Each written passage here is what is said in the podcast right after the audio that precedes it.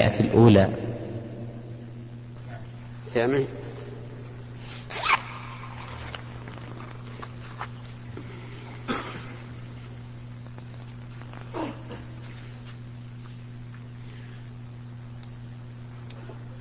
الحمد لله رب العالمين صلى الله وسلم على نبينا محمد وعلى آله وأصحابه ومن تبعهم بإحسان إلى يوم الدين.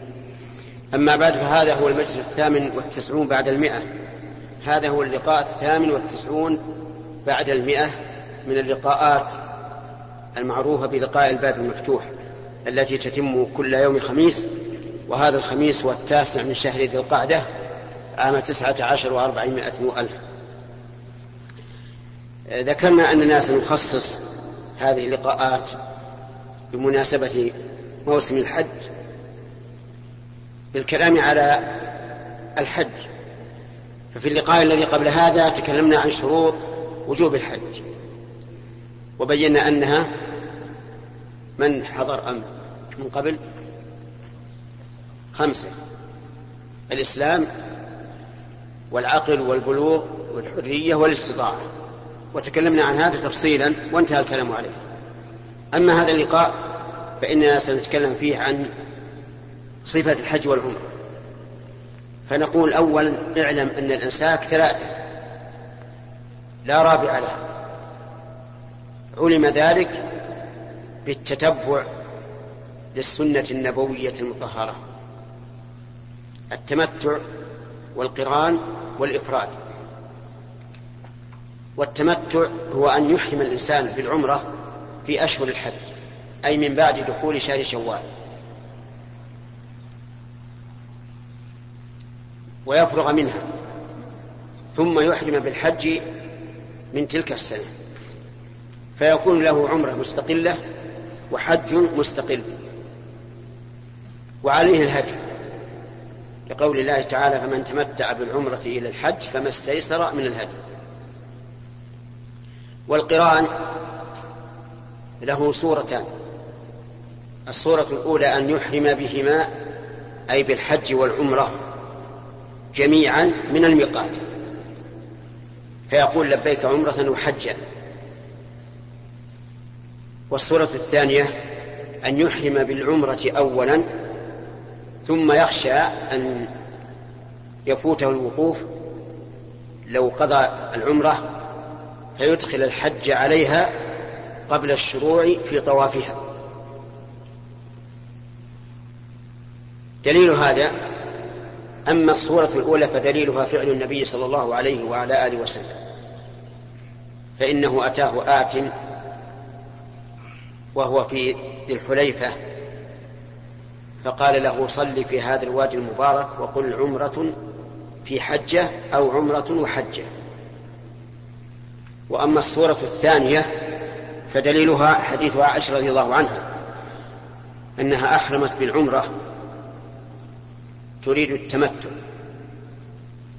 ثم أتاها الحيض قبل أن تدخل مكة فأمرها النبي صلى الله عليه وعلى آله وسلم أن تدخل الحج على العمرة فتكون قارنة. أما الإفراد فهو أن يحرم بالحج مفردا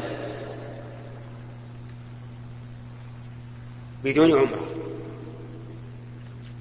بمعنى أنه يسافر من بلده إلى مكة ناويا الحج فقط. فكيف يقول المتمتع في تلبيته؟ يقول إنه يقول لبيك عمرة ولا ولا حاجة أن يكون متمتعا بها إلى الحج لأن النية كافية. وأما القارن فيقول لبيك عمرة وحجا. وأما المفرد فيقول لبيك حجا. هذه الأنساك الثلاثة أفضلها التمتع. لأن النبي صلى الله عليه وعلى آله وسلم أمر به وحث عليه وقال لو استقبلت من أمري ما استدبرت لجعلتها عمرة. وكان قارنا ثم القران. ثم الإفراد. القرآن بعد التمتع لأنه داخل في اسم التمتع عند سلف هذه الأمة ولأن المحرم يجمع فيه بين عمرة وحج وكان أقلها الإفراد لأنه حج فقط. القارن عليه هدي كالمتمتع فإن لم يجد صام ثلاثة أيام في الحج وسبعة إذا رجع إلى أهله أما كيفية ذلك فنقول إذا وصل إلى الميقات والمواقيت معروفة خمسة ذو الحليفة لأهل المدينة ومن مر به والجحفة لأهل الشام ومن مر به ويلملم لأهل اليمن ومن مر به. وقرن المنازل لأهل نجد ومن مر به. وذات عرق لأهل العراق. فإذا وصل من يريد الإحرام إلى الميقات اغتسل كما يغتسل للجنابة ثم تطيب على رأسه ولحيته ثم لبس الإحرام إزارا ورداء. هذا بالنسبة للرجل. أما المرأة فتفعل هكذا أي بالاغتسال وتتطيب بما لا يظهر ريحه لمن حولها وتلبس الثياب الذي تريد تلبس الثياب التي تريدها من غير تقييد إلا أنها لا تتبرج بالزينة خوف الفتنة. ثم يقول لبيك اللهم عمره ويستمر يلبي يرفع الرجل صوته بذلك والمرأة تسر به. وأفضل كيفية في التلبية تلبية رسول الله صلى الله عليه وعلى آله وسلم.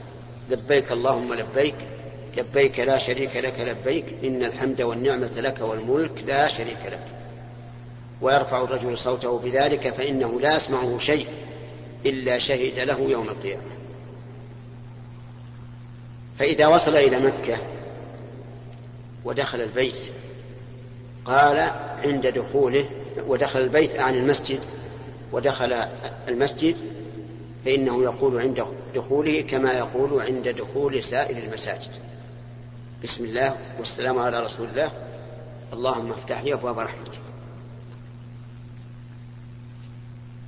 ويمضي إلى الحجر فيستلمه بيده اليمنى أن يمسحه ويقبله. إن تيسر له فإن لم يتيسر أشار إليه لفعل النبي صلى الله عليه وعلى آله وسلم. ويقول بسم الله والله أكبر اللهم إيمانا بك وتصديقا بكتابك ووفاء بعهدك واتباعا لسنة نبيك محمد صلى الله عليه وسلم كما كان ابن عمر يقول. ثم يجعل البيت عن يساره ويطوف سبعة أشواط. فإذا مر بالركن اليماني الذي يليه الحجر الأسود استلمه بيده اليمنى فإن شق عليه ذلك أشار إليه. ويقول في في بقية ويقول في طوافه ما شاء من قراءة القرآن والذكر والتسبيح والتحميد والتكبير والدعاء. وليس هناك دعاء مخصوص في الطواف إلا التكبير عند الحجر الأسود كلما مر به وقول ربنا آتنا في الدنيا حسنة وفي الآخرة حسنة وقنا عذاب النار بين الركن الإيماني والحجر الأسود. وما عدا ذلك فهو راجع إلى اختيار الطائف. وإياك أيها الحاج أن تدعو بهذا الدعاء البدعي وهو أن تدعو لكل شوط بدعاء مخصوص فإن هذا بدعة لم يرد عن النبي صلى الله عليه وعلى آله وسلم. ثم هو دعاء قد يكون ما يريده الطائف غير هذا الدعاء. ثم إن كثيرا من الذين يتلونه لا يتلون ما معناه. فانصحوا إخوانكم إذا رأيتم منه معهم مثل هذا. وقولوا هذا بدعة وادعوا الله بما تريد وكل إنسان له حاجة غير حاجة الآخر. فإذا فرغت من الطواف نعم وفي هذا الطواف يسن للرجل سنتان. الأولى الاطباع والثانية الرمل. فأما الاطباع فهو أن يجعل وسط ردائه تحت إبطه الأيمن وطرفيه على كتفه الأيسر. فيخرج كتفه الأيمن في جميع أشواط الطواف. وأما الرمل فهو أن يسرع المشي لكن في الأشواط الثلاثة الأولى فقط. فإذا أتم سبعة أشواط تقدم إلى مقام إبراهيم وقرأ واتخذوا من مقام إبراهيم مصلى. يقول ذلك تذكيرا لنفسه بأمر الله عز وجل وتأسيا برسول الله صلى الله عليه وعلى آله وسلم. فيصلي ركعتين خلف المقام خفيفتين. يقرأ في الأولى قل يا أيها الكافرون بعد الفاتحة وفي الثانية قل والله أحد بعد الفاتحة. ويخففهما ولا يبقى بعدهم. ينصرف فورا. تأسيا برسول الله صلى الله عليه وعلى آله وسلم وتركا للمكان الذي يحتاجه غيره ممن فرغ من الطواف. ثم يتجه إلى الحجر الأسود فيستلمه إن تمكن وإلا انصرف بدون إشارة إلى الصفا. فإذا دنا من الصفا قرأ إن الصفا والمروة من شعائر الله. قبل أن يصعد على الصفا تأسيا برسول الله صلى الله عليه وعلى آله وسلم وتذكيرا بالآية الكريمة التي أخبر الله أن فيها أن التي أخبر الله فيها أن الصفا والمروة من شعائر الله. فإذا صعد إلى الصفا استقبل القبلة ورفع يديه وقال ما ورد عن النبي صلى الله عليه وعلى آله وسلم. ومنه أن يكبر ثلاثا ويقول لا إله إلا الله وحده لا شريك له له الملك وله الحمد وهو على كل شيء قدير. لا إله إلا الله وحده أنجز وعده ونصر عبده وهزم الأحزاب وحده. ثم يدعو بما أحب. ثم يعيد الذكر مرة ثانية ويدعو بما أحب. ثم يعيد الذكر مرة ثالثة ثم ينزل متجها إلى المروة يمشي على عادته حتى يصل إلى العلم الأخضر يعني العمود الأخضر الذي جعل بحذائه لمبات لمبات خضرا من فوق. فيسعى بعد في هذا يسعى أن يركض ركضا شديدا إذا تيسر له حتى يصل إلى العلم الآخر ثم يمشي مشيا معتادا حتى يصل إلى المروة فإذا وصل إلى المروة صعد عليها واتجه إلى القبلة رافعا يديه يقول مثل ما قال على الصفا. ثم ينزل متجها إلى الصفا يمشي في موضع مشيه ويركض في موضع ركضه. ولا يقرأ الآية إن الصفا والمرة من شعائر الله إلا مرة واحدة إذا أقبل على الصفا بعد الطواف. ولكن يذكر الله تبارك وتعالى ويقرأ القرآن ويدعو.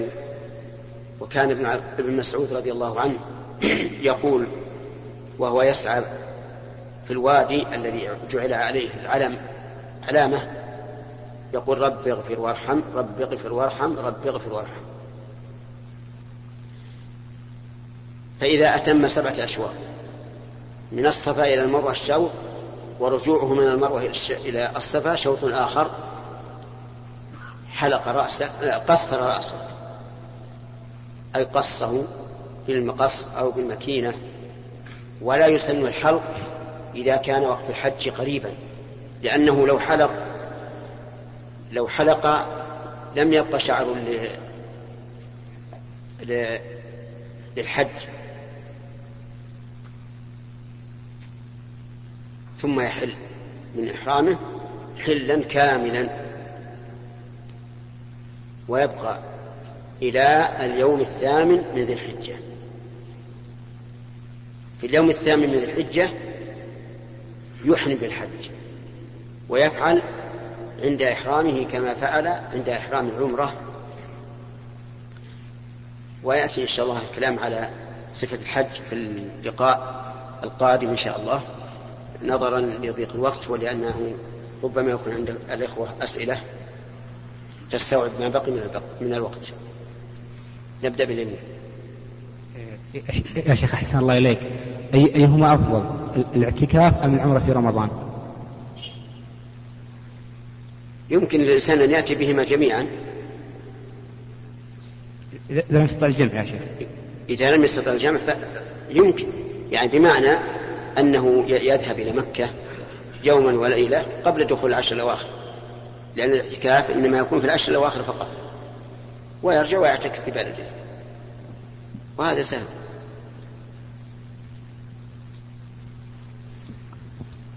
فضيلة الشيخ آه، أستفتيك بموضوع بموضوع خارج عن الموضوع هذا وهو موضوع طلاق.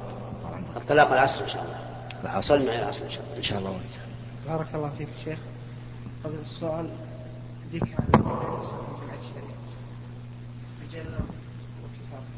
بارك الله فيك شيخ السؤال ما حكم التنظف بالنسبة للمحرم؟ إيش؟ ما حكم التنظف بالنسبة للمحرم بالصابون والشامبو بالرائحة ما حكم؟ آه، لا بأس بذلك لأن اغتسال المحرم جائز كما ثبت عن النبي صلى الله عليه وعلى آله وسلم أنه يغتسل وهو محرم وأما الشامبو فالظاهر أن رائحته ليست عطرية وإنما هي رائحة يعني آه، نكهة. نكهة نكهة محبوبة للنفس كما يرى في النعناع في النعناع وفي ورق التفاح وما أشبه. نعم. المهم ما كان طيبا فلا يجوز استعمال المحرم شيخ أحسن الله عليك أنت تكلمت بالنسبة لي بعد صلاة ركعتين خلف مقام إبراهيم قالت يذهب ويشير إلى الحجر ولم تذكر جزاك الله خير اللي هو ذهاب إلى زمزم ثم يشير إلى الحجر. نعم. أقول لم أذكر لأن النبي صلى الله عليه وسلم إنما شرب ماء زمزم في الحج. سلام الله يا شيخ. آه، ما هو الضابط الذي به نعرف أن هذا العمل منهي عنه؟ باطل حيث أن أننا نرى بعض أهل العلم يصححون عملا منهي عنه ويبطلون آخر. مثل. والله لا يحضرني الآن شيخ. أو يجب أن نعلم أن العبادات الأصل فيها المنع. فكل من تعبد لله بشيء عقيدة أو قول أو عمل. فإن عمله باطل إلا أن يقيم دليلا على أنه مشروع. هذا هو الأصل. ودليل هذا قول الله تبارك وتعالى منكرا على الذين يشرعون ما لم ينزل به سلطانا أم لهم شركاء شرعوا لهم من الدين ما لم يأذن به الله. فأنكر عليه. وقول النبي صلى الله عليه وعلى آله وسلم من عمل عملا ليس عليه أمرنا فهو رد. هذه القاعدة الأصل في في العبادات الأصل إيش؟ المنع والتحريم والبطلان ما لم يقم دليلا عليه. دليلا صحيحا وأما غير العبادات فالأصل فيها الحل. كالمعاملات الجارية بين الناس والعادات الجارية بين الناس والأخلاق الجارية بين الناس الأصل فيها الحل. حتى يقوم دليل على المنع. هاتان القاعدتان بهما توزن جميع الأعمال التي لا يعرف لها سابق. فمثلا صلاة التسبيح. صلاة التسبيح حديثها ليس بصحيح. بل هو باطل كما صرح به الشيخ الإسلام ابن تيمية رحمه الله. وعلى هذا فلا تسلم. يعني لا يمكن ان أن نعمل عملا يقربنا إلى الله إلا بدليل. كذلك صلاة الحاجة. آه، إن الإنسان إذا كان له حاجة صلى ركعتين ثم سأل الله على صفة مخصوصة معروفة هي أيضا ليست بصحيحه كذلك الاحتفال بالمولد النبوي كما يزعمون هذا أيضا باطل لا يصح لأنه أولا من الناحية التاريخية ليس بصحيح. لأن ولادة النبي صلى الله عليه وسلم اختلف فيها المؤرخون على ثمانية أقوال أو سبعة أقوال. وقد حقق بعض المعاصرين أنها كانت في اليوم التاسع من شهر ربيع الأول. عكس ما هو معروف الآن أنه في اليوم الثاني عشر. وحتى لو لو فرضنا جدلا ثبوت الولادة في هذا اليوم فإنه لا يجوز أن تتخذ عيدا. أفهمت؟ هناك أنا أقصد العمل المنهي عنه شيخ يعني ما في عمل منهي عنه إلا الشرائع. لا مما جاء يعني العبادات الأصل فيها النهي والمنع حتى يقوم دليل على أنها مشروعة. يعني مثلا نضرب لك المثل لو أن إنسان طاف بالكعبة وصار يمسح جميع الأركان الأربعة قلنا أما الركن أما الحجر الأسود والركن اليماني فهذا مشروع. وأما الاثنان فاستلامهما غير مشروع فيكون منهيا عنه مبتدأ. ولهذا لما طاف معاوية رضي الله عنه وابن عباس رضي الله عنهما بالبيت جعل معاوية يستلم كل الأركان. فأنكر عليه ابن عباس وقال فقال معاوية ليس شيء من البيت مهجورا. فقال له ابن عباس لقد كان لكم في رسول الله أسوة حسنة. ولقد رأيت النبي صلى الله عليه وسلم يستلم الركنين اليمانيين. فرجع معاوية إلى قول ابن عباس الآن حضرني مثال شيخ نعم. آه لا, لا صلاة بحضرة الطعام. نعم. هذا عمل يعني منهي عنه. هل نعم. هذا يبطل يعني الصلاة؟ وما هو الضابط فيه هذا نرجع للقواعد. لا صلاة بحضرة الطعام. لماذا؟ هل أنت السؤال لأجل الانشغال. لأجل الانشغال. إذا لو صلى الإنسان وهو لا يأبه بهذا الطعام ولا يشوش له يدخل في النهي؟ ما دام عرفنا العلة فإنه لا يدخل في النهي. بقي إذا كان يشغل خاطره وجوعان جائع يريد أن يأكل. نقول غاية ما فيه أنه اشتغال القلب واشتغال القلب. أكثر العلماء يقولون إنه لا يبطل الصلاة. ويستدلون بالحديث إن الشيطان يأتي لابن آدم وهو يصلي يقول أذكر كذا في يوم كذا حتى لا ياتيكم صلاه وعلى رأي من يقول إن الخشوع واجب في الصلاة يقول إذا أدى حضور الطعام الذي يشتهيه إلى أن ينشغل قلبه عن الصلاة بحيث لا يدري ما يقول فصلاته باطلة. نعم. شيخ جزاك الله خير. إحنا نحن مجموعة من الشباب نخرج في طلعات برية. نعم. ويصادف أحيانا في الليل يكون برد ونشعل النار فكنا إذا صار وقت الصلاة نتنحى عن جهة النار على أساس ما تكون هي أمامنا كسترة أو قبلة. فجاءنا أحد الأخوة وقال ما الدليل على ذلك؟ ما في دليل على أنكم إذا صارت النار أمامكم أنكم تتنحون عنها. جائز أنكم تصلون وهي أمامكم وبحثنا في هذا الموضوع في فتح الباري فما وجدنا يعني شيء واضح ولا في نيل الأوطان فما صارت عندنا حجة الحقيقة. فجينا نسأل جزاك الله خير إذا كان في دليل أو شيء. هو ما في دليل. الدليل النبوي ما في دليل. لكن إذا كانت النار مشتعلة فإنها الذي يصلي إليها يشبه آه، عبادة المجوس. لأن المجوس يشعلون النار ثم يصلون خلفها لأنهم يعبدونها. فمن ثم قال أهل العلم يكره ذلك لئلا يتشبه بالمجوس فقط. وبناء على هذا لو كانت جمرا لو كانت جمرة ما فيها لهب فإنه لا لا تكره الصلاة إليها. عفوا. أخبرنا بذلك كان الرد أن في هناك من يعبد الماء وهناك من يعبد الشجر وهناك من يعبد كذا. أخذ استرسل. في قضية أن إذا كانت العبادة على نار مجوس فإذا لا تصلون أمام شجر لا تصلون أمام ماء لأن في ناس هناك يعبدون نعم نعم. هذه الأشياء. لكن أي شجرة يعبدونها الشجرة الخاصة التي يعبدونها نلحقها بهذا. لكن هل هم يعبدون كل الشجر؟ ما هم يعبدون كل الشجر. طيب قال إن المجوس شيخ نارهم ليست كناركم هذه. نار جهنم يقول إنها لا تأتي من تنور أو من شيء. ابدا ابدا. على كل حال العلماء يقول هي ما فيها ما فيها نص. كلامهم ما فيها نص صادق. لكن فيها هذا التشبه وربما يلقي الشيطان في قلب الإنسان خصوصا إذا كان يعرف أن المجوس يعبدون النار ربما يلقي في نفسه آه، آه، أنه يتشبه به. والبعد عن الشرك أمر مطلوب. لو صدق إن صلينا شيخ مرة أمامها ما في بأس يعني. لا لا ما تبطل الصلاة. الصلاة ما تبطل لا أشكال فيها. نعم. ولولا هذا التعليل الذي قلت لك لقلنا لا يكره. ولهذا نعرف من الخطأ بعض الناس يقول الدفايات هذه الكهربائية لا تجعلوها أمام المصلين. غلط هذا. هذا غلط على العلماء وغلط على الشريعة. ما مو صحيح. نعم. شيخ؟ بارك الله فيك.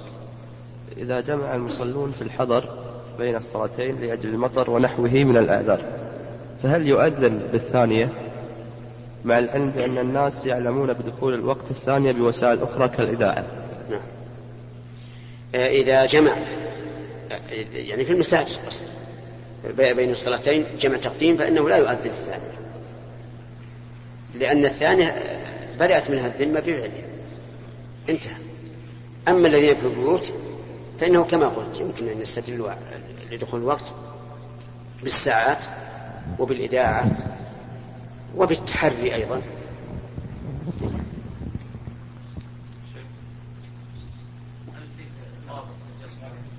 لا السؤال مه... بالترتيب يا أخي.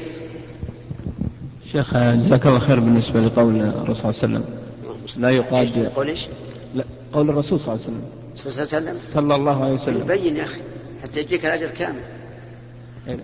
لا يقاد الوالد بالولد. ولذلك نحن اخترنا أن نقول صلى الله عليه وعلى آله وسلم. إيه لكن أحيانا علشان ما ندرج كما تدرج. نعم. ومن أجل أن أن, أن نقتدي بالرسول عليه الصلاة والسلام لأنه قال لما قالوا كيف نصلي عليه قال قولوا اللهم صل على محمد وعلى آل محمد.